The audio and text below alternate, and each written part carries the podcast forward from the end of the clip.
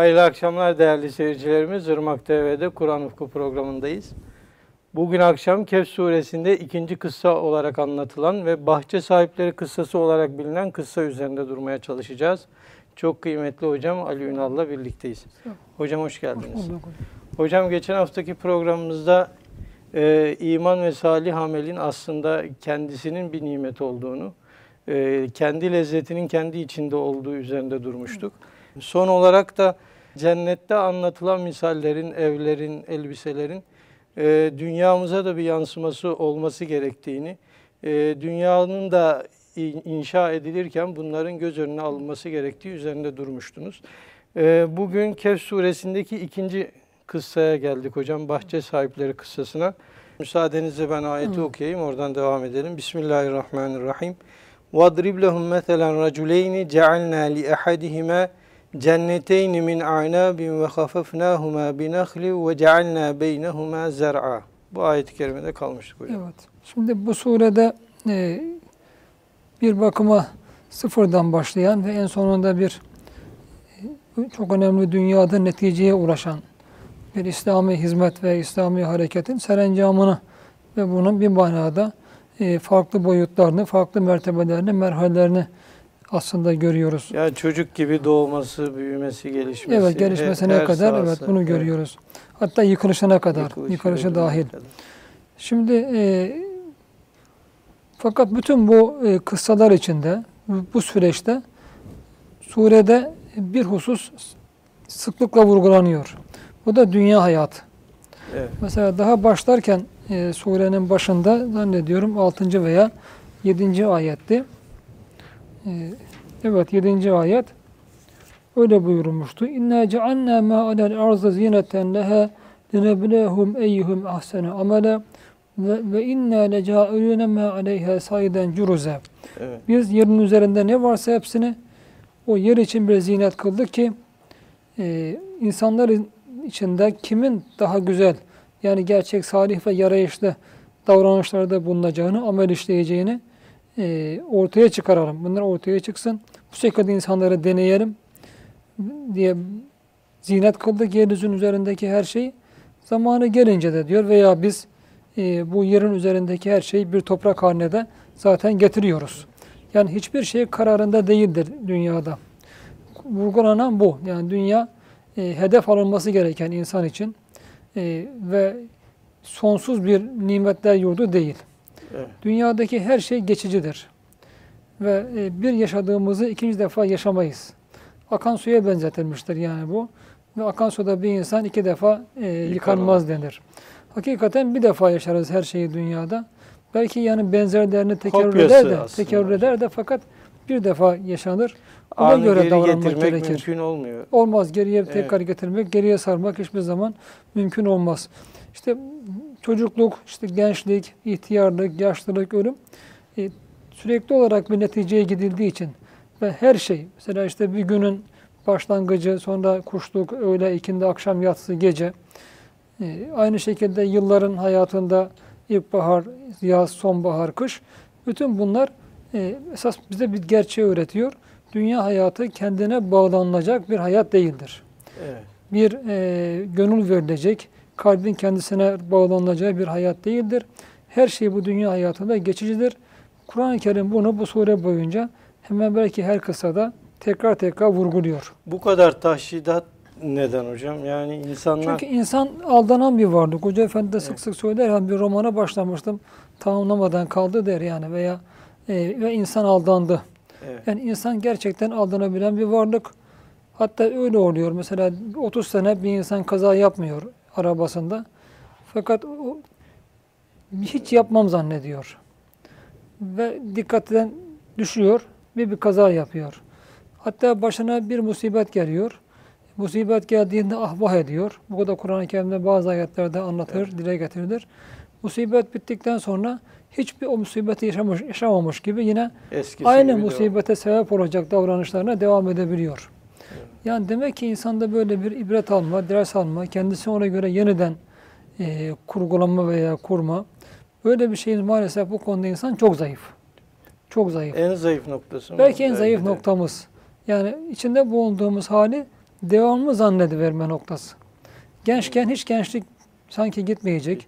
Hiç güçlü kuvvetli halimizden e, düşmeyeceğiz. Yeniden bir Kur'an-ı Kerim'de buyurulduğu gibi adeta çocukluğa dönme gibi bir ihtiyarlığa e, gitmeyeceğiz gibi. Etrafımızda sürekli ölümleri gördüğümüz halde nefis diyor Hazreti Üstad ölüm deyince başkasına verir. Sanki kendimiz hiç ölmeyecekmişiz gibi. Yani bu aldanış maalesef yani insan olarak genel karakterimiz. İşte Kur'an-ı Kerim bu surede yer yer yani farklı ayetler tasrif denir buna. Yani aynı gerçeği farklı cephelerden, farklı lafızlarla bakmak ve ifade etmekle Kur'an-ı Kerim bu gerçeği bize devamlı vurguluyor. Ve her bir kıssada o kıssanın çok önemli bir hususiyeti ve cephesi olarak buna bize hatırlatıyor Kur'an-ı Kerim. Ben şunu anladım hocam eğer yanlış anlamadıysam. Yani bugün dünya sizi aldatmamış olabilir ama yarın aldatabilir. Bunun bir garantisi Belki her yok an mu aldatıyor. istediniz? Her an aldatıyor belki. Yani çünkü her an çünkü öyle bir hay- hayat yaşamamız gerekiyor ki bütün bu yaşayacağımız hayat işte Cenab-ı Allah'ın okuduğum ayet-i kerimede buyurduğu gibi acaba e, hislerimiz, düşüncemiz, davranışımız, itikadımız, duyuşumuz, attığımız adımlar bunların hepsi sırat-ı müstakime üzerinde mi? Bu şuurla yaşanması gereken bir hayat. Belki bilmiyorum günlük 24 saatinin kaç dakikasını bu şuurla yaşayabiliyoruz. Demek ki aslında biz bir bakıma e, bu şuura ulaşıncaya kadar veya bu şuurdan uzak yaşadığımız nispetle aldanış içindeyiz demek. Bundan dolayı Kur'an-ı Kerim çok sık olarak e, Kur'an kendi yani tamamında Kur'an-ı Kerim tamamında çok sık olarak bu hususu bize hatırlatır. Bakın bir surede bile Evet. kaç tane ayet var. Hemen arkasından Her fırsatta Evet hemen neredeyse arkasından bakın Peygamber Efendimiz için yani bir peygamber için dünya hiçbir zaman yani aldanış sebebi olmaz. Fakat demek ki onun aldanma değil ama Cenab-ı Allah en azından bir ön hatırlatma olarak kendisine e, ikaz tonlu olarak buyuruyor ki dünya hayatının zinetinin peşinde olarak onu talep ederek e, iman edip salih amel işleyenler ve sabah akşam Rablerini e, zikredenler de beraber ol diyor. Sürekli bunlarla beraber ol. E şimdi demek ki burada peygamber için dünya zineti ne oluyor? O mesela bir mala, mevkiye e, aldanmaz, paraya e, aldanmaz. Fakat bütün hayatını vazifesi ve tebliği doldurduğu için her anını bu tebliği yaparken, tebliğ yaparken bazen işte önde gelen insanlar, etrafındaki te- belli bir grup bulunan insanlar, nüfus sahibi, nüfus sahibi insanlar, bunlar hani dini kabul etsin de bu defa din daha fazla güç kazansın.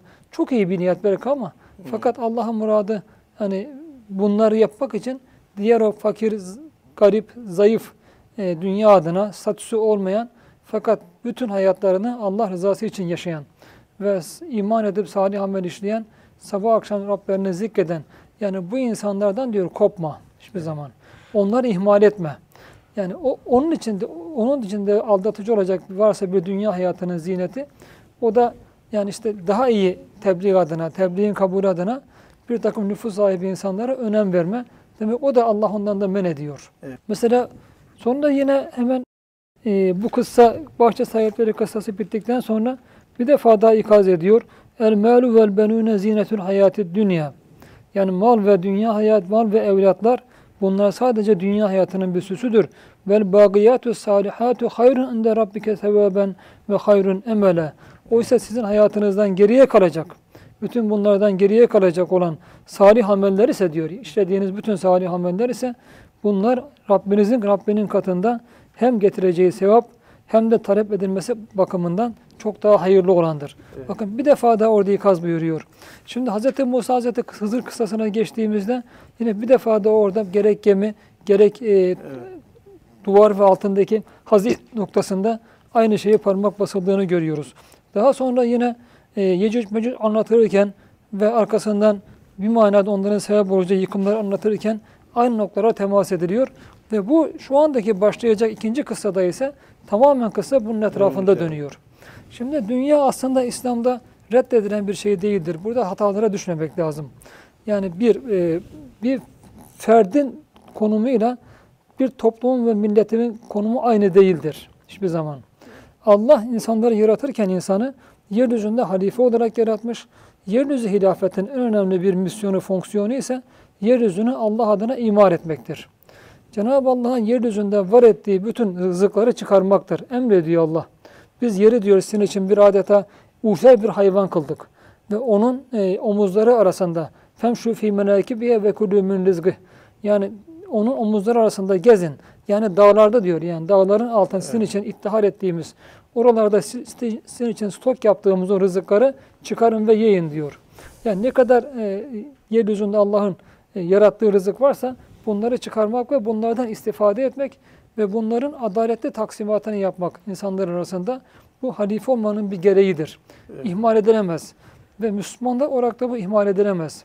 Bu ayrı konu.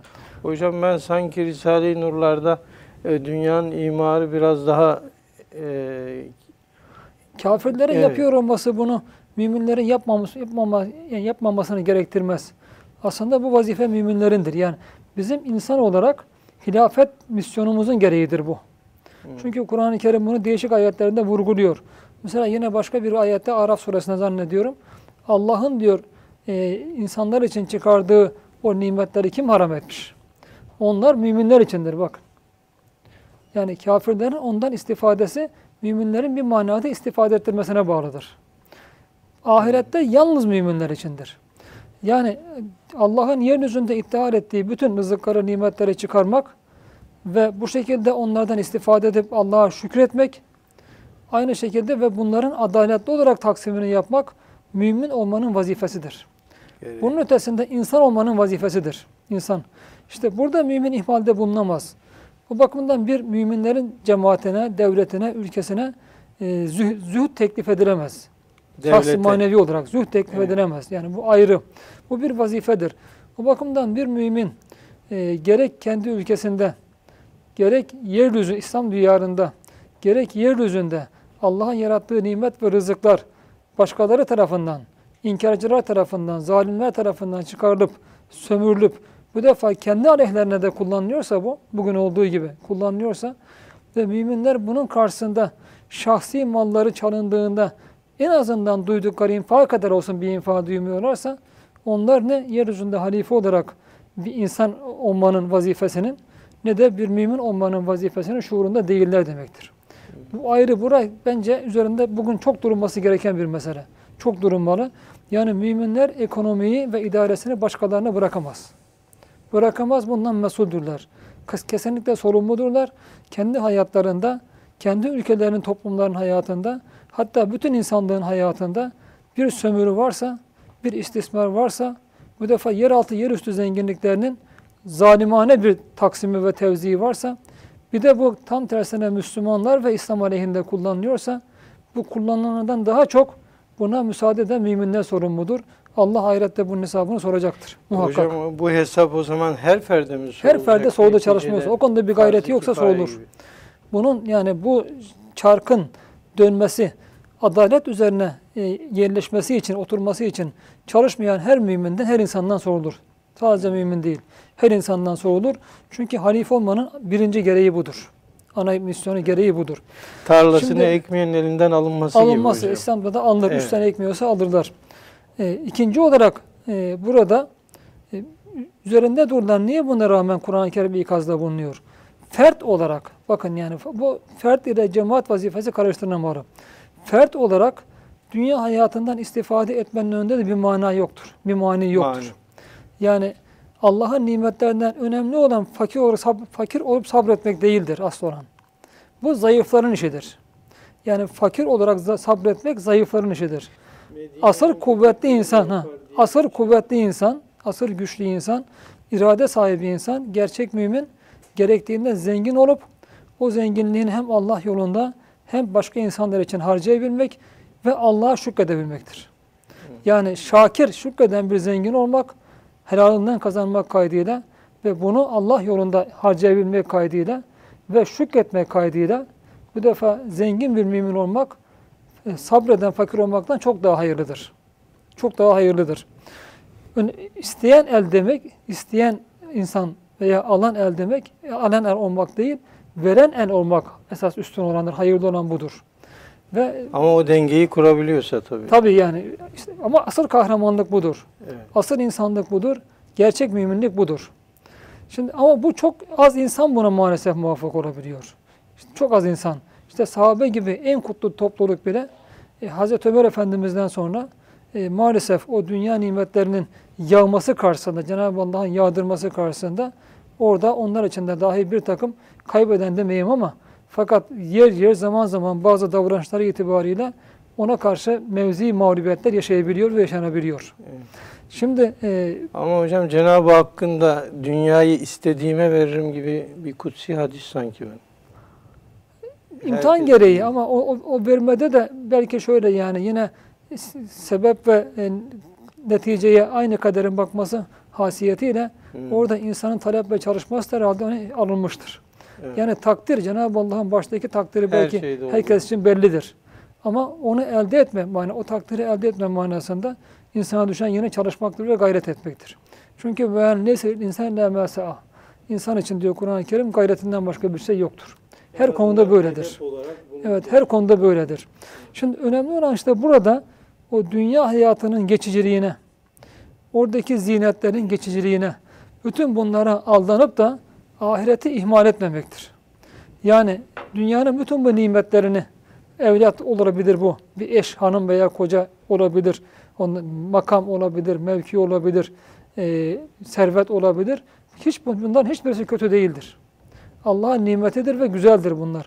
Fakat kötü olan bunları peşinde koşulacak bir şehvet haline getirme, hayatı bunlara bağlamadır. Oysa bunlar ahiret hesabına, İslam hesabına kullanılmalıdır, değerlendirilmelidir.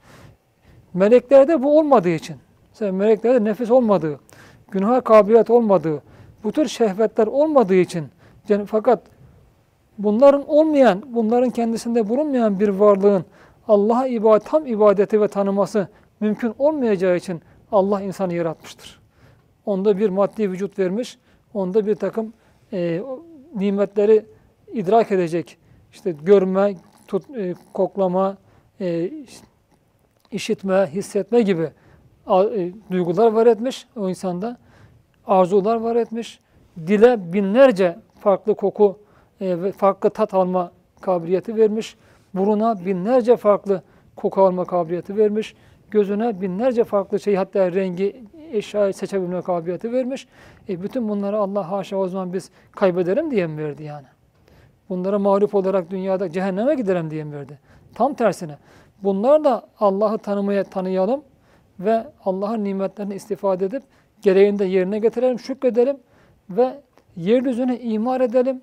Adeta cennetin bir gölgesi haline getirelim. Fakat hiçbir zaman da hedef haline getirmeyelim. Esas olan budur.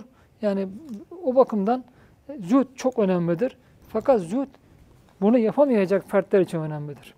İşte insan çok kolay aldanan, çok kolay aldanan ve dünyanın bu nimetlerini birer şehvet haline getirebilecek çok kolay bir varlık olduğu için Cenab-ı Allah ve bu şekilde belki insanların yüzde doksanı maalesef kaybettiği için tarihte Allah sürekli olarak bu ikazı yapıyor. Ben diyor bunlardan sizi etmiyorum. Fakat aman dikkat. Aman dikkat. Buna girdiğiniz anda diyor bu defa işlerinde boğulup kalmayın. Bunların sadece bir şükür adına size verilmiş bir e, nimet olduğunu hatırdan çıkarmayın. Yiyin için helalinden israf etmeyin. Kulü beşrebu ve la tüsrifu. Fazla yemekle de israf etmeyin. Yani normal olarak hayatını sürdürecek kadar Allah'ın nimetlerini de tadın. Karşılığında şükredin. Fakat helalinden kazanın, helalına harcayın. Ve bu Allah'ın nimetlerini kazancınızı Allah adına, Allah'ın dinini iyiliği adına, yeryüzünde adaletin hakim olması adına, herkes arasında hakim olması adına bunları kullanın diyor Cenab-ı Allah. Yani hocam o zaman e, tasavvuf büyüklerini hatırlarken insan sanki iradi olarak onlar fakirliği, zühdü İradi olarak seçmişler tercih, gibi. iradi olarak tercih ediyorlar. Bence İslam'ın o da yani işte bazıları için bir boyutudur. Mesela astronom da orada evet. Gerçi bir manada diyelim mana itibariyle belki İslam'ı en güzel yaşayan ve temsil eden ehli tasavvuf olmuştur. Bunlar dünyayı reddetmekle bir de şöyle bir kazanç elde ettiler. Yani biz bilhassa Osmanlı Devleti'nde bunu görüyoruz. Önceki tarihte bilmiyorum. Evet. Bilhassa Osmanlı Devleti'nde Osmanlı ordusu içinde bu tamamı ehli tarikat, ehli tasavvuf deliler denen bir grup vardı. Bunlar Deliler. deliler. Evet. Bunlar evlenmezlerdi. Bekar yaşarlardı. Nerede bir savaş cihat var oraya koşarlardı. Genellikle şeylerde kalırlardı. Ee, Serhat boylarında karelerde kalırlardı. Akıncıların pek çoğu bunların içinden çıkardı. Ve bunlar hayatlarını tamamen ilahi kelimetullah İslam'a vakfetmiş insanlardı bunlar. Evet. Bunları alkışlarız. Bunları alkışlarız. Fakat sadece bunlarla da ne İslam tamamlanır ne bir milletin hayatı tamamlanır. Ya bütün toplum Evet. öyle olsa E, o zaman yaşanmaz. evet olmaz yani hiçbir zaman Evet. olmaz.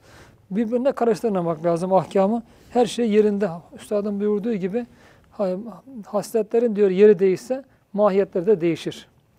Yani bir e, doğru olan bir şey bazen bir zaman bir, zaman veya bir mekan belli bir şartta doğru olmaktan çıkar. Bir mekan bir zamanda diyelim bir belli şartlarda yanlış olma olan bir şey başka bir zaman veya şartlarda doğru olabilir. Bunları birbirine karıştırmamak lazım. Cenab-ı Allah'ın bu esma tecellilerini birbirine karıştırmamak lazım. İşte kaderle diyelim iradenin sahasını birbirine karıştırmamak lazım. Buna bakarken geçmişle geleceği sorumluluklarla diyelim musibetleri birbirine karıştırmamak lazım. İşte önemli olan Müslümanların kaybettiği nokta burada oluyor. Bütün bu İslam'ın ahkamı içinde her zaman dengeyi koruyabilmek lazım. evet. Bu dengeden sapma bu defa dalaletleri getiriyor. Dalaleti getiriyor. İşte burada yine Hazreti Üstad'ın bize ışık tutan çok önemli bir tespiti var. Dünyanın üç yüzü vardır diyor. Esas anlam dünyanın üç yüzü vardır. Bunlardan birincisi diyor dünya yani arz manasında kullanıyor burada Evet. dünyayı. Çünkü dünya Kur'an-ı Kerim'de arz manasına çok kullanılmaz. Aslında dünya e, yani hayat, hayatı dünya olarak kullanılır daima. Dünya hayatı.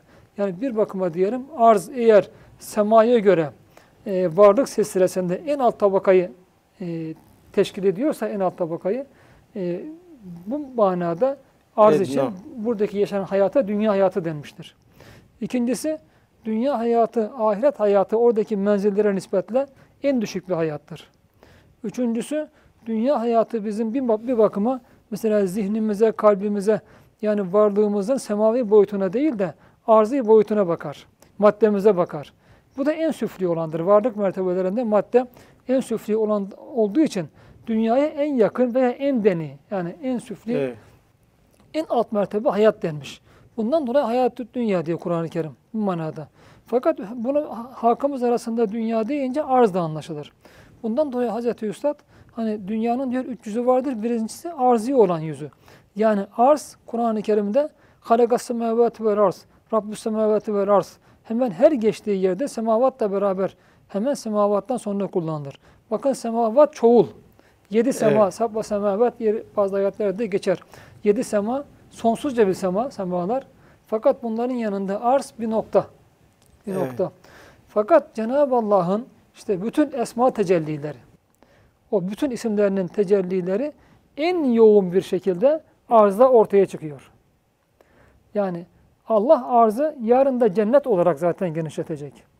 Kıyamet yani kıyamette ahiret alemleri içinde cennet yine bu arzda kurulacak. Bu arzda kurulacak. Allah bunu semavat kadar arzu semavat ve arz ayet-i kerime semavat kadar Allah buraya genişletecek. Bunun üstünü şu andaki cennet yapacak. Mağma tabakası olan şu andaki yine ateş, ceh- cehennem-i sura vazifesi gören onu da bu defa cehennem olarak Allah Allah muhafaza o cennete paralel onun altında da cehennem yapacak. Arada sırat köprüsü var. Evet. Şimdi- yani hocam normalde dünya hayatı çok kısa ama bütün ahiret hayatını şekillendiriyor. Evet. Sanki şekil yoğun. olarak da aynı. Evet çok yoğun. Yani mahiyet itibariyle de öyle, Evet. şekil olarak da öyle. Yani nasıl hakikaten çok kısa dünya hayatı aslında her saniyesi, her salisesiyle bir manada sonsuz ahiret hayatının, Evet. ahiret aleminin ve hayatının bir çekirdeği ise evet hakikaten şeyde şu anda da e, cisim olarak da semavata paralel o kadar bir büyüklüğü var. Evet. Yani küçücük bir şey. Ama o küçüklüğü içinde Cenab-ı Allah'ın bütün esma tecellilerini en yoğun şekilde kendisinde taşıyor. İşte Allah marifeti adına belki bir manada semavattan daha fazla bir fonksiyon görüyor. Yani Evet. Cenab-ı Allah baştan sona bir marifeti adına bir kitap arz. İşte bu noktada aslında arz çok güzeldir. Çok güzeldir. Kıymeti orada. Yarın cennete de şey olacak, yani zemin olacak Zemin aynı arz. İnşallah cennete gittiğimiz zaman tanıyacağız yani buraları. E, tanımadığımız bir yere Allah bizi bırakmayacak orada. Yine tanıdığımız yerler. İnşallah. Şimdi meçhul bir yere gitmeyeceğiz. Şimdi Hocam iki- ara versek. Evet. ikinci- İkinci olarak şeyi tamamlayayım. Dünyanın ikinci bu yüzüyle dünya tamamen mukaddestir bütünüyle. Çünkü bir marifet baştan sona bir marifet e, Allah adına Allah'ın tecelliler meşheridir. O zaman ona deni denemez yani. Hakikatiyen o noktada. İkinci olarak arzın dünyanın bir yan daha vardır. Hadiste buyurulduğu gibi ahiretin tarlasıdır. Yani ekerken yeryüzü hayatımız bizim için ahiretin bir tarlasıdır. Onu yani yarın ahirette karşımıza Allah muhafaza cehennem veya Allah nasip buyursun cennet olarak çıkacak şey karşımızdaki hayatı biz dünyada ektiğimiz tohumların karşılığını göreceğiz orada. Evet. Bu noktada da arz hiçbir zaman tenkit edilemez. Bu noktada da bir manada diyelim sonsuz ahiret hayatına adeta eşdeğer değil ama madem ki bir ağacın e, tamamı Cenab-ı Allah çekirdeğine onu e, yerleştiriyor. Yani bir bakıma çekirdeğin kıymeti adeta ağaç kadar bir kıymet ifade ediyor. Evet. Çünkü çek- çekirdek olmasa ağaç olmaz. Ve ağaç çekirdekte Allah onu iyice oraya yer sığıştırmış ve yerleştirmiş.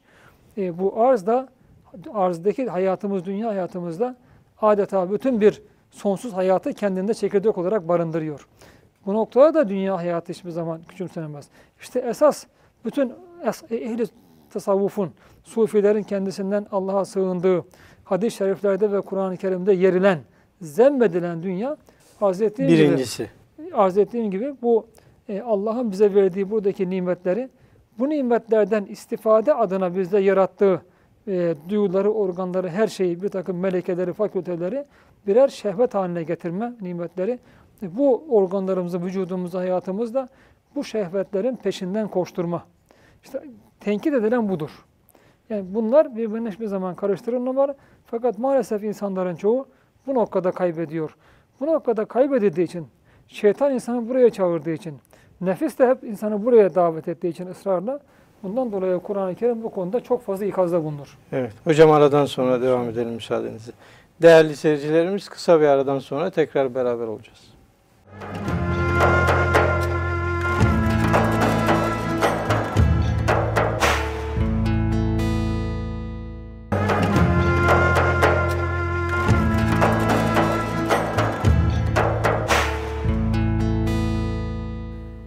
Değerli seyircilerimiz tekrar beraberiz. Bu e, suremizde ikinci kıssa oluyor. Bahçe sahipleri kıssası.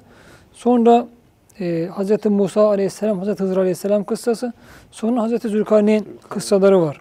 Şimdi bu üç kıssa aslında anlatılan gerçekler burada Ashab-ı Kehf kıssasına bağlıdır. Şöyle bağlı, zaten Kur'an-ı Kerim'de sureye bakın bu kıssaların veya bu kıssalar arasında anlatılan gerçeklerle alakalı bir isim değil, kıssaların ismi değil, Kehf suresi. Kehf ismini veriyor. Demek e, merkezi bura oluşturuyor. Demek ki hocam sure isimleri de çok Evet, mana ifade e, ediyor. Önemli üzerinde durmuştuk ondan Evet. hatırlarsanız. Yani Ashab-ı Keyfi Kur'an-ı Kerim e, mağarada uyuma, uyumaya vardır. Anlattı bize uyuduklarını. Ondan sonra bir de dirildiklerini anlattı. 300 sene sonra veya 309 sene sonra. İşte bu üç kıssada biz Ashab-ı Kehf'le başlayan bir sürecin bu Hz. Zülkarneyn ile bir manada biten Nihayet. yani nihayete eren hatta daha sonra Ye- Yecüc ve Mecüc'te yıkılan yani yıkıntısı dahi gelen diyelim bir e, sürecin e, aradaki boşluğu görüyoruz biz. Tamamlandığını görüyoruz. Yani Ashab-ı Keyf 300 sene veya 309 sene mağarada uyurken neler oldu? Yani Allah'ın vaadi nasıl gerçekleşti? Onlara olan vaadi nasıl gerçekleşti? İşte aradaki o 300 yıllık boşluğu bize bu üç kıssa dolduruyor. Puzzle'ın parçaları gibi sanki Evet, hocam. parçaları Bulup gibi, evet. Onlar dolduruyor. Evet. Şimdi ilk baştaki hani fakir bunu Reşha, Hazreti Üstad'ın o Zühre Katre Reşha'daki Evet. Reşha bölümü yani dönemi diye hep ona benzetirim. Yani tamamıyla bir samimiyet, bütünüyle samimiyet, her şeyden geçme, tam olarak Allah'a adanmışlık ve bu çerçevede zulme, şirke baş kaldırma ve tevhid adına bir mücadele ortaya koyma. Ee, bundan sonra yeni bir dönem başlıyor. Demek ki İslami bir hizmette yeni bir dönem başlıyor. Bu dönemde en dikkat çekici nokta insanların dünya ile münasebeti. Çünkü bu artık mesela Reşa'dan sonra Katre bir bakıma e, Reşa'nın adeta varlığı yok gibidir. Hani Hazreti Üstad'ın orada anlattığına göre bir çiğ parçası gibidir. Bir çiğ gibi damlası gibidir o. Sabahleyin işte çiçeklerin üzerinde görürüz. Fakat güneş çıkıverince güneşin şualarından birine tutunur ve gider güneşte erir. Ve artık güneşte baki olmaya devam eder. Bir manada tasavvuftaki işte fenafillah, bekabillah gibidir. Yani reşanın. Katre de evet şeffaftır. Kalbinde güneşi saklar. Yani güneşi bize gösterir. Ama katre artık yeryüzündedir. Yani o denizlerde de sulardadır. Sadece güneşi bize yansıtır. Yani güneşin bir şuağına tutunarak bu defa e, güneşle beraber var olmaya gidemez. Belli kesafette bir maddi varlığı vardır onun. İşte bir bakıma buradaki e, anlatılan bize adeta bu gerçeklik. Yani Hz. Hüsa'dan Reşşa o Katre Zühre babında anlattığı bir gerçeklik var. Ve bir de bize şu öğretiliyor. Yani biraz önce arz etmeye çalıştığım gibi bu İslami hizmetlerde de aslında e, sermayenin, malın, servetin bir ayrı önemi vardır. Çünkü Peygamber Efendimiz zamanında bunu açık görüyoruz. Yani Efendimiz sık sık ashabın himmetine başvururdu. Evet. E, Bunlar anlatılır siyerde. Bu e, Efendimiz bu müracaatlarında infakta bulunanların destanı anlatılır Kur'an-ı Kerim'de. Hatta mesela Tebuk e, seferi münasebetiyle yapılan infaklarda Tevbe suresinde okuyoruz. Bazı sahabe de geliyordu. Verecek bir şeyleri yoktu. Evet. Vermek istiyorlar Allah yolunda. Verecek bir şey hiç yok. Verecekleri yok. Cihada gitmek istiyorlar savaşa. Bu defa ne atları var, onların ne develeri var, ne de silahları var. Efendimiz sallallahu aleyhi ve sellem de onlara e, verebilir. Beytül Mal'de onlara vereceği kadar bir, bir at, deve veya silah yok. Bunun üzerine e, ağlayarak geri dönüyorlar. Yani sefere de çıkamıyorlar bu insanlar. Veremiyorlar da. Veremedikleri Evet. için ağlıyor. Hem veremedikleri hem de sefere çıkamadıkları için. İki şekilde ağlıyorlar bunlar. Fakat bunun karşısında işte Kur'an-ı Kerim buyuruyor ki onlar diyor o kardeşleri kardeşleri bir yokuş indikçe veya bir yokuş çıktıkça yani o sefer müddetince kazandıkları her adamın sevabından onlara aynısı onlara da yazılır. Çünkü niyetleri çok halis olsa vereceklerdi. Kendilerine verilmiş olsa bu savaş araç gereçleri savaşa çıkacaklardı. Hiçbiri olmadı. Fakat onlar da bunun üzüntüsüyle Cenab-ı Allah ağlıyorlar yani. Allah da onların kabul ediyor. O niyetlerini adeta yaşamış gibi kabul ediyor. Bunların destanını söylüyor Kur'an-ı Kerim. Bazı verenler vardı, bazı verenler var. Fakat bunlar acaba verdik ama ihlaslı mı verdik? Allah için mi verdik? Ya verdikten sonra da bu defa vermiştik diye içimizde bir gurur olursa, bir ucup kendimizi beğenme olursa veya biz verdik işte başkaları vermedi diye vermeyenleri tenkit etme, onların üzerinde adeta böyle bir tefavuk, üstünlük iddia etmek kalbimize gelirse ve bu da bizim, bunlar da bizim vermemizi e, adeta kabulüne mani olursa bunun gibi çok hassas bir şekilde kalpleri acaba tir tir titrer diyor Kur'an-ı Kerim. Yani o vermenin de acaba tam hakkı yerine gelir mi? Bize için bir kazanç mı, kaybetme vesilesi mi olur? Burada fevkalade bir ders veriyor. Bize eğitimde bulunuyor Kur'an-ı Kerim. Böyle verenler vardı. Allah bunları da destanlaştırıyor. Bakın destanlaştırıyor. Bunun karşısında bir de veremeyen münafıklar vardı. Ne, ne veriyorlar ne sefere çıkıyorlar. Vermemelerine ve sefere çıkmamalarına gerekçe olarak da bir takım yalanlar uyduruyorlar. Mesela birisi geliyor Efendimiz'e ya Resulallah beni diyor fitneye atma diyor yani. Ben diyor kadınlara düşkün birisiyim. Rumların da diyor affedersiniz sarışın güzel kızları var. Ben o olarak gidersem diyor çok günaha girerim. Kazanacağım sevaptan çok günaha girerim. Bakın ne kadar bir e, sanki böyle bir günaha girmeme hassasiyete varmış gibi yaklaşıyor, davranıyor, yalan söylüyor. Fakat Cenab-ı Allah buyuruyor ki esas diyor zaten o fitnenin diyor tam içine batmış durumda o. Öylesi. Nifak fitnesi. Onun içine batmış durumda. Yalan söylüyor. Savaşa gitmeme adına yalan söylüyor. Böyleler vardı bir de. İşte Kur'an-ı Kerim bunları hep adlandırır. Yani bu noktada infak çok önemlidir. Çok büyük bir sevaptır Allah katında. E, infakı da infak edebilecek Olan- şeyi olan yapabilir. Burada Kur'an-ı Kerim bize bunu anlatıyor. Demek Hocam sahabenin 700 deveyi yükleriyle beraber himmet Hazreti ettikleri Efendimiz'in evet, yani var bunlar. Şeyin aynı şekilde Abdurrahman bin Avf. Hazretleri yani Bunlar da şeyde geçer. Hocam yük, siyerde geçer. yükler, yükleri olmadan 700 devenin sadece kendisi bile bugün hayallerimizi aşacak rakamlar aslında. Rakamlara yani. ulaşır. Evet, Bir de onlar. yüklerini hesap edince Evet, güzel insanda, kadar himmet güzel ettiği. insanda mal ne güzeldir diyor Efendimiz. Evet. Önemli olan odur yani. Olup verebilmek, sahip olup verebilmek. İşte bir tarafta bunun bunlar var. İşte diğer tarafta bu defa Allah'ın kendisine verdiği nimetlerle şımaranlar, bunları kendinden bilenler, maalesef o nimetler de sonsuz hayatı, ebedi hayatı kazanabilecekken maalesef kaybedenler var.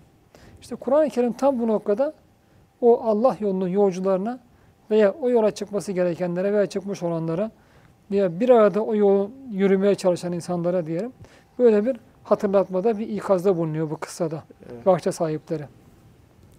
Ve azrub lehum meselen raculeyni Ey Resulüm veya herkes için geçerlidir bu.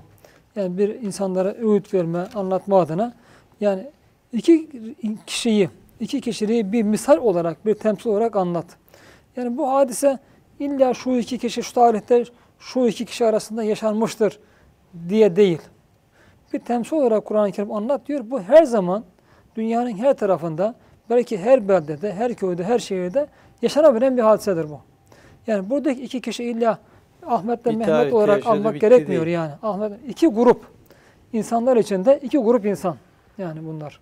Evet. Yani iki grubu temsil ediyor bu insanlar yani. Burada anlatılan iki kişi. Zaten Ashab-ı Kehf için de öyle demiştiniz hocam. Evet, her dönemde her yaşamış. Dönemde, evet, bir te- aynı çizgide mücadele veren insanları temsil ediyorlar. Evet. Fütüvet çapında, fütüvet mertebesinde onu temsil ediyorlar. Şimdi nedir bu iki kişi veya bu iki kişiyle temsil edilen iki grup insanlar? Nasıl insanlardır bunlar? Cealna li ahadihime cenneteyni min anabin. Biz onları onlardan biri için diyor Kur'an-ı Kerim ve içinizden bazıları için, insanlar için de pek çokları bazıları için biz iki tane diyor e, cennet gibi öyle diyelim bir bahçe var ettik. Ne bahçesi? Üzüm bahçesi. Biz ona bağ deriz yani. Evet. Demek iki tane Üzüm bağ. bağlı. Şimdi niye Kur'an-ı Kerim burada bağ, üzüm bağı diyor? E, cennet nimetleri arasında üzüm zikredilir. Üzüm zikredilir. Demek ki o üzümün e, hakikaten üzerinde durulması gereken nimet olarak, bir gıda olarak hususi, önemli hususiyetleri var. Ve insanlar için hem o yeme, yeme adına hem de geçim kaynağı olma adına çok önemli. İşte Evet. bugün Ege aha- ahalisi, bizim Ege ahalisi, Cenab-ı Allah o Ege hak- hak- hakikaten ovalarını çok verimli kılmış. Çok verimli kılmış.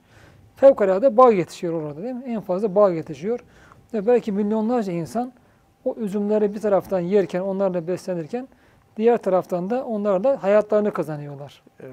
Şimdi bakın burada hayatı kazanma adına fakat bazı insan vardır ki o üzümden yer kendisi. Çoluk çocuğuna yedirir. Evet. Sonra da olmayanlara infak eder. Olmayanlara infak eder. Sonra hem o üzümü hem de üzümden kazancını Allah yolunda harcar. Gider İslam'a hizmet edecek veya bir takım talebe yurtlarına veya Allah yolunda ilim tahsil eden insanlara, Evet. Allah yolunda hizmet edenlere onlardan verir, yedirir, verir yani onların. Bir, onun da onların bir rızkını e, vesile olur, sebep olur. Ulaşmasında Allah'ın gönderdiği bir rızkın sebep olur. Aynı şekilde orada kazancından Allah yolunda verir. Bunlar vardır. İkinci bir grup insan vardır. Ne yapar bu üzüm bağlarından gelen üzümü? Kendisi yer yer yer. Ondan sonra kalanını satar. O e, üzümün bir kısmından şarap çıkarır. Satar, onun al kazancını şarabı harcar. Süfli bir gece hayatına harcar bu defa. O Allah'ın o rızık olarak verdiği üzüm Allah muhafaza helakine vesile olur. Evet. Ha işte bu iki grubu Allah bize anlatıyor. Demek ki bu üzümün bu noktada hakikaten üzüm bağları misali verilmesi önemli. Hem üzümün rızık olarak hem de Hayra ve şerre kullanılması mümkün. Ve insana için bir kazanç vasıtası olması bakımından çok önemli bu. Bir de şu vardır bakın yani üzüm hakikaten çok verimli toprak istemez. Üzüm. Yani bir bakıma o yetiştiği hani bizim köy e, şu an köyü öyle ovanın e, şeyleri gibi değil. Toprağı gibi değil. Ama bizim bağ vardı. Babam rahmetli onun zamanında dikmişti. Sonra biz yıllarca hiç bakım yapılmadı. Ama yine çok güzel üzüm, çok güzel bağ verirdi. Sonra köyün çobanları yedirmeye başladılar biz yokken. Bu defa da satıldı yani başkasına. Evet. Daha şey- maalesef acımasızca e, o bağı diyelim daha yeni baharın yeşil çubuklar verirken yaprak açtığında gidip koyunlarını salıp yediriyorlar maalesef yani. İşte bir de böyle kaybedenler var. Bu şekilde kaybedenler var. Yani Kur'an-ı Kerim'deki hocam meyvelerin hepsine bir hikmet aramak lazım mı? Zikredilen Mutlaka aramak meyveler. lazım bence. Niye Kur'an-ı Kerim burada mesela üzüm bağı dedi? Bunu, Evet. bunu misal verdi. Mesela diyelim ki bugün çok insan karpuz yetiştiriyor. Evet. O da bir Allah'ın nimeti. Kavun hem de acır salatalık beraber. O da çok yetişiyor. Mesela e, bunun dışında e, narenciye bahçeleri mesela. Hatta Cenab-ı Allah Peygamber Efendimiz sallallahu aleyhi ve sellem bir hadis-i şerifinde mümini portakala narenciyeye benzetir. Evet. Yani hem kokusu vardır hem tadı vardır. Her bakımdan güzeldir yani e, mümin. Kur'an okuyan mümini ona benzetir. Kur'an okumayan mümini Cenab-ı Peygamber Efendimiz e, tadı var kokusu yoktur hurmaya benzetir. Evet. Münafık ise Ebu Cehil karpuzu Kar- derler halk acı. arasında. Acı, acı düverek derler. Evet. Ona benzetir. Şimdi bu demek bağ denmesinde hakikaten bir önemli sebep var yani. Demek ki belki burada Allahu alem yani bu bağ üzüm bağı olan insanların kazanma ve kaybetme e, nispeti veya im- ihtimal imkanı diğerlerinden daha fazla denebilir. Evet. Evet, üzerinde aynı zamanda botanikçilerin de durması gereken, gıda e, mühendislerinin falan ziraatçıların durması gereken Allahu alem bir mesele. Bir diğeri de şu tabi. Kur'an-ı Kerim'in ilk muhatapları Araplar o dönemde. Arabistan'da bağ vardı ama zannediyorum çok narenciye yoktu. Belki kavun Hmm. karpuz o kadar fazla yoktu. Ama demek ki onlar için üzümün, o yetiştirdikleri bağın hayatlarında da diğerlerine nazaran daha büyük bir önemi vardı. Evet. Ama fakat bunu sadece e, ilk muhataplarına bağlarsak Kur'an-ı Kerim'in e, burada Kur'an'daki manalar da bir bakıma o zamanla sınırlamış oluruz. Sınırlamış oluruz. Onlar için özel bir önem ifade etse de demek ki dünya bağlanma veya dünya nimetleri adına burada üzüm bağları misalinin verilmesi bence de önem arz Evet. önem var. Yani burada kaybetme neredeyse her safhada mümkün dediniz. Bir zekatını vermemekle, iki onu yanlış yerde, şarap Kullanmakla. vesairede kullanmak. Bir de bugün kaybedilme, kaybetme unsurlarından birisi. e, birinde e, İzmir'e gidiyorum Eşme'den otobüsle. Ana şehre varmadan bir- birisi bindi. Habere konuşuyor. İşte bağlarından ne kadar bağ aldığı, işte hormonu ne kadar fazla hormon verdiği. Evet. Bunları anlatıyor fakat sonra diyor ki ben diyor bir de ayrı bağım var. O diyor fakat ben bağımda hiç hormon kullanmam diyor. Arkadaş sen insansan yani kendin için yiyeceğinde hormonu kullanmıyorsun da Evet. başkalarına satacağında niye hormonu yüklüyorsun ona? O insanlara zehirlemekle girdiğin günahın farkında mısın? Yani Bir de maalesef bir kaybedilme sebebi olarak bu var. Evet. Bir de hocam bu tarla mahsullerinde e, öşür verilmesi adetini çok bilmiyor Evet. sanki Bil- halkımızda. Bilmiyorlar, bunu da bilmiyorlar. Evet. Öşürü unutulmuş. O CHP vergisi zannediliyor. Evet. Aşar. Öşürün çoğu yani. CHP zamanında toplanıyordu. Yani ilk parti, parti döneminde. Fakat o vergi tahsildarlar da maalesef halka zulmediyorlar o dönemde. Halk Evet. fakir zaten. Belki öşür verebileceği miktarında zenginliği de yok. Kendisi muhtaç. Fakat mutlaka alıyor. Bir de yani burada e, hemen harmandayken geliyorlar. E, onda bir olarak alıp gidiyorlar maalesef. O bizim halkımız arasında ilk parti döneminde gelen bir tahsildar. Yani bu Evet. tahsildarlar bir de jandarma çok hep böyle bir şey olarak görülmüştür. Hala da vardır insanlarda bu korku. Yani tahsildar dayağı, jandarma dayağı. Eziyeti yani. Muhatteessüf. Ama işte bu şöyle bir şeye sebep oldu daha sonra. Mesela köylerdeki hatta hocalar dahi mesela. Hocalar dahi. Babam rahmetli çok iyi biriydi. İlmihal, mesela Türkiye'de ilmihal çok iyi bilen belki 5-10 kişiden biri diyebilirim yani olabilir. Öyle bir ilmihal bilgisi vardı. Fakat işte abim fakir falan yetişip de öşrü görünceye kadar öşrü vermeyi bilmezdi. Bilmezlerdi. Ben onu nasıl kaçırdım mesela? Yoksa oysa yani hiçbir zaman zekatını vermeyecek bir insan da değildi. Hala hayret ederim yani nasıl acaba? Daha sonra biz bunu söyleyince ondan sonra vermeye devam etti. Daha önceki senelerde verilmeyenler de verildi. Yani artık o geçmişe şey, dönük sorumluluk döneminden sonra verildi. Şimdi işte bu hakikaten şu anda o da hani iyi hatırlattınız. Maalesef halkımız arasında bu CHP vergisi gibi biliniyor öşür. Ve Allah'tan diyor Menderes bizi öşürden kurtardı millet. Fakat öşürden kurtardı da fakat bu defa zekat verilmeyen bir zekatın günahı çokların üzerinde kaldı. Tabii yani o aradaki dengelere dikkat etmek lazım. e, lazım. Sadece öşür de yeterli değil olmayabilir. O e, İslam'ın bir sistem Minimum. olarak tatbik edildiği yerde o müminin vergisidir. Minimum vergisidir. Evet. Daha ziyade bugün bizim için bir infak. Yani en güzeli bunun infakın kendi ihtiyacımızı giderdikten sonra bakmakla mükellef olduklarımızın ihtiyaçlarını giderdikten Evet. sonra kalanını verebilmek. Bence bugün Allahu alem Müslümanların yapması gereken bu. Müminlerin yapması gereken. Yani o zaman onda bir, kırkta bir hesabına girmeden, girmeden, evet, girmeden rahat- verebilmek, evet, evet. verebilmek. Şimdi bununla kalmıyor bakın Kur'an-ı Kerim öyle bir tasvirde bulunuyor ki Allah'a nimetlerini hatırlatıyor böylece bize. Hatırlatıyor. Ve bu nimetlerin de reddedilmesi gerektiğini de hatırlatıyor. Çünkü Allah vermiş bunları, veriyor yani. Ve hafefne hüme binahlin. Sadece diyor onlara bir çok güzel iki tane bağ vermekte kalmadık biz. İki bağ vermekte kalmadık. Bir de etrafında o bağların hurma bahçeleri var ettik. Bir Evet. tarafta Arabistan düşünün yani toprağında, o çöl toprağında, verimsiz topraklarda biraz bunu düşünürsek ne kadar büyük nimet olduğunu anlarız bunun. Ve iki tane çok güzel üzüm bahçesi. Niye iki tane? Bu da tabii belki birisi ak üzüm, birisi kara üzüm olabilir. Birisi çekirdekli, birisi çekirdeksiz olabilir. Yani bütün bunlar buradaki nimetin ne kadar büyük ve ne kadar değerli olduğunu bize Allah bununla anlatıyor.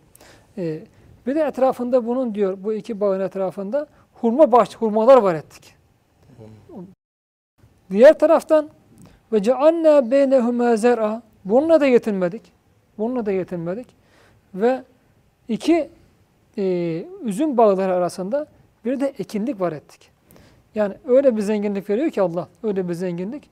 Artık dünya adına her şey var evet. o insanın. Şimdi bunu bu misali biz aslında insanın dünyadaki ihtiyaçları başka yerlerde yaşayan insanlar için tatbik edebiliriz. Yani bir çiftçi adı köylerde yaşayan, ziraatla uğraşan insanlar için evet bu önemlidir. Fakat bu misalleri anlatırken burada takılmamak lazım. Takılmamak lazım.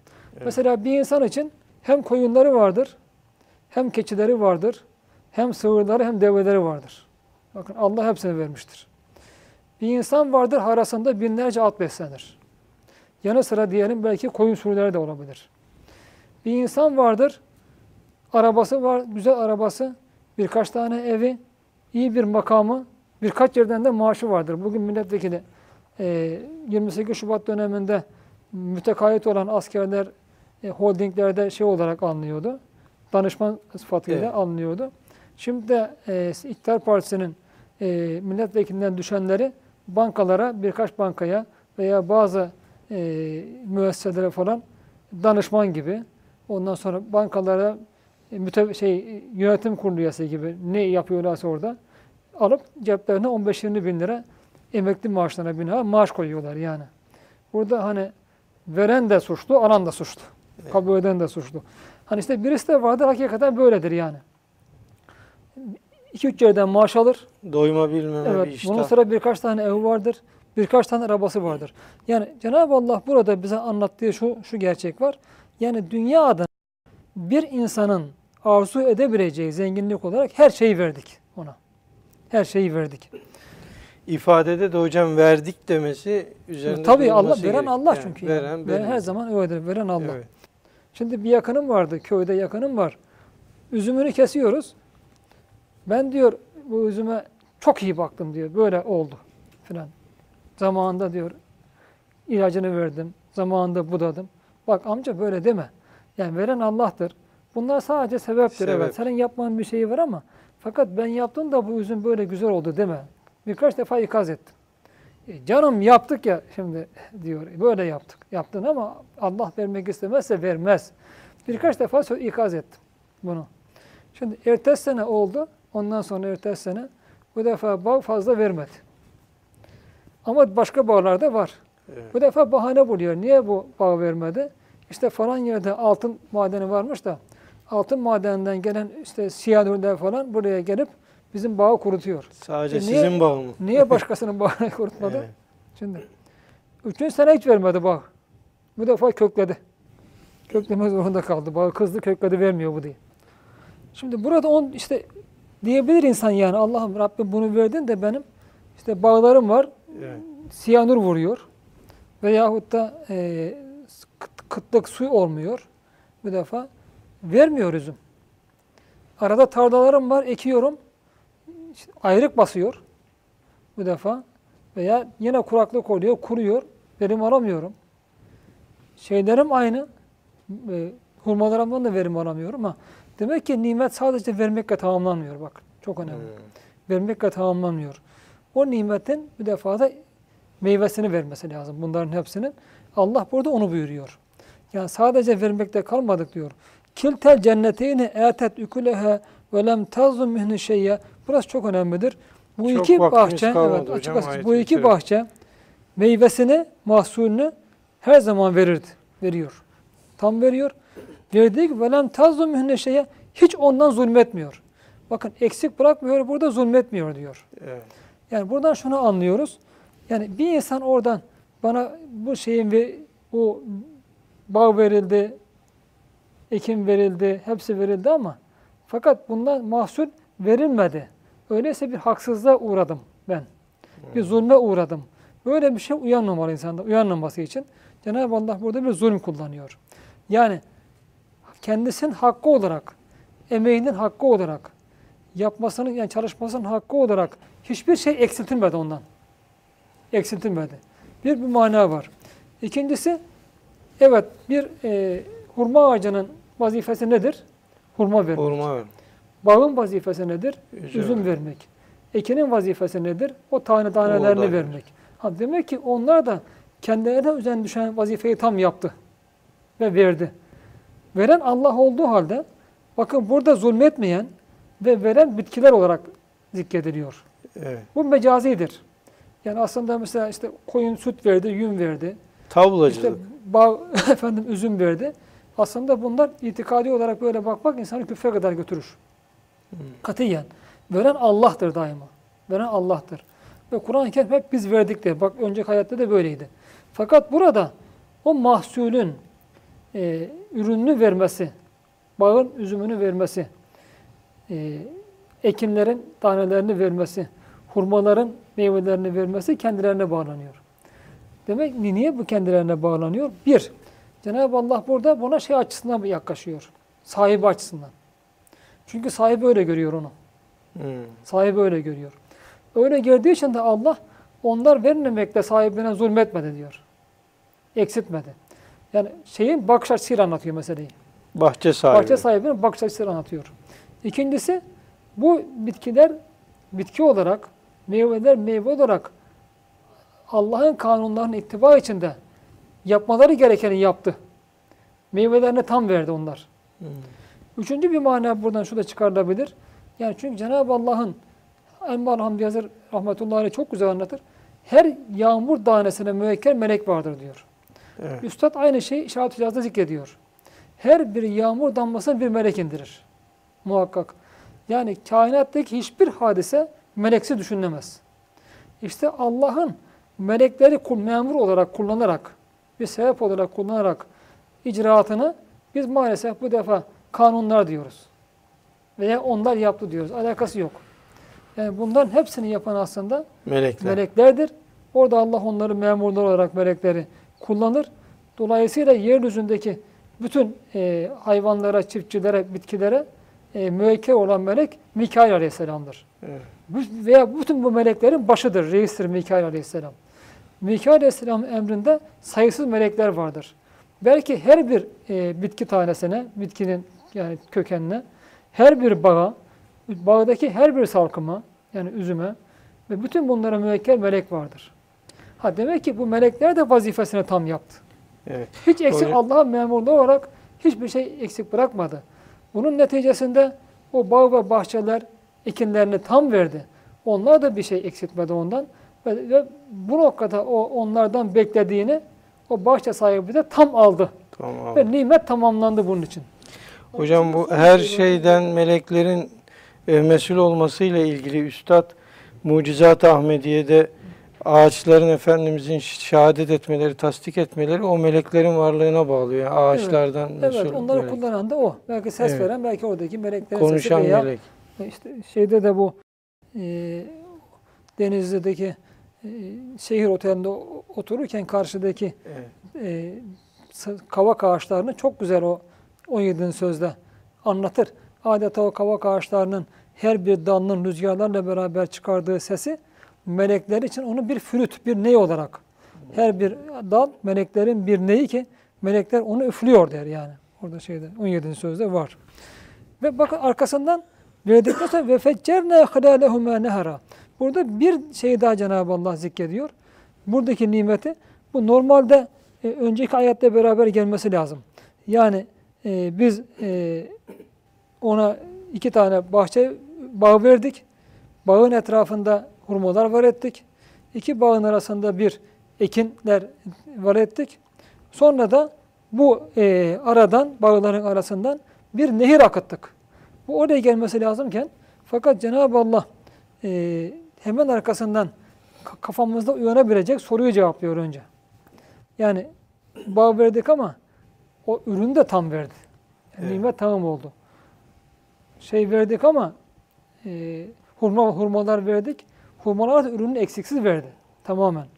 Koku bakımından, şekil bakımından, renk bakımından ve gıda bakımından. Yani hiçbir oradaki hurmada bir tane olsun noksan hurma yok. Üzümünü tam vermeyen bir tane bağ yok. Ve mesela kurtlanma olmamış, kuruma olmamış. Çünkü böyle tazun mihni şey ya diyor. Hiçbir şekilde ondan bir eksiltmede bulunmadı, bir az vermede az verme olmadı. Demek ki yani vazifesi ondan bek Cenab-ı Allah'ın o bağı vermedeki, yaratmadaki, o hurmaları yaratmadaki, ekinde yaratmadaki bütün maksat tam hasıl oldu demek. Tam ha- Eğer bunlarda bir eksiklik meydana geliyorsa, bir meydana geliyorsa demek bu bizim hatamızdandır. Gerek günahlarımızın neticesindedir. Hmm. Gerek o bağa bostana bakmamızdaki hatadandır. Gerek o bağa bostana e, musallat olan bir takım şeyler vardır. Hayvanlar olabilir bunun gibi yani. O eksikler ondan kaynaklanıyor. Yoksa fıtratta hiçbir zaman eksiklik olmaz. Ya sebepleri maddi Evet, olarak sebep yerine getirmediniz ya veya manevi. olarak evet yerine getirmemiştir. Evet. Fakat işte burada Allah onu ak- aklımıza gelebilecek soruyu cevapladıktan sonra onların ni- nimetin tamamladığını o bahçelerle ilgili bir başka nimete daha Cenab-ı Allah işaret buyuruyor. Ve feccerne halâlehumâ nehara. İkisinin arasında diyor. Yani Allahu alem belki bu e, ekinlerle e, şeyin arasında bağın, İki bağın arasında, bağın arasında veya iki bahçenin arasında neyse veyahut da iki bahçenin arasında, ekin tarlasının ortasında her neyse yani. Orada da diyor bir nehir akıttık. Demek ki yani burada da bunu ayrıca zikrediyor. Sadece yağmur sularıyla sulanmakla kalmamış onlar. Evet. Çölde o suya çok ihtiyaç olan yerde Cenab-ı Allah öyle bir nimet vermiş ki aynı zamanda orada bir de nehir akıtıyor ki orada yana sular var ediyor. Yani şey yağmurlar tam olarak almasa bile o insan o sulardan istifade edebiliyor. Ve e, burada bize bir hatırlatma da var tabii Cenab-ı bir hatırlatması da var. Bulunduğunuz bölgede diyor yerde kuraklık yaşanabilir. Orası tam yağmur almıyor olabilir. Fakat her halükarda diyor çalışır da bulursanız Cenab-ı Allah orada da diyor gereken o yerdeki mahsul alabilme, verebileceği mahsul adına bir su kaynağı yaratmıştır. Onu diyor arayın o suyu çıkarın ve bulun. Çünkü burada Allah onu kaynattık diyor. Ve feccerne halâlehuma. Adeta orada bir bir nehirde diyor böyle dolu dolu akıttık. Evet. Kaynattık yani. Yerin altından fışkırttık onu.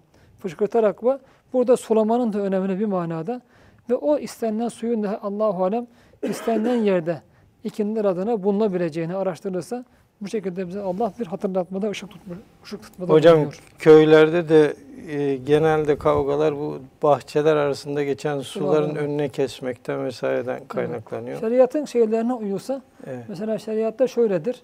Eğer o suyu bir insan çıkarmışsa dahi, kendisi çıkardı, tarlasında kazdı, kendi sahası ara- arazisinde bir su Evet. çıkardı, ihtiyacı kadar kullanır, onun ötesine karşı müdahale edemez.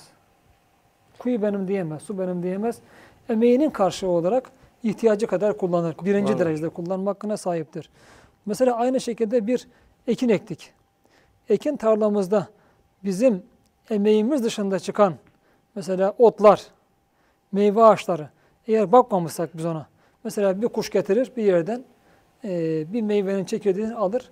Düşüyor. Zaten çoğu meyveler böyle aslında ağaçlar böyle yetişir. ondan da insan bana ait diyemez. Tarla Evet. bana ait. Dolayısıyla burada kendi hüdayi nabet kendinden biten ot veya meyve bana ait diyemez. Kendisi istifade eder. Başkalarının da istifadesine mani olamaz. Evet, İşte şeriatın aslında kaideler uygulansa o kavgaların hiçbiri olmaz. olmaz. Evet. Hocam önümüzdeki hafta İnşallah. devam edelim inşallah. Değerli seyircilerimiz önümüzdeki hafta görüşmek üzere. Hoşçakalın.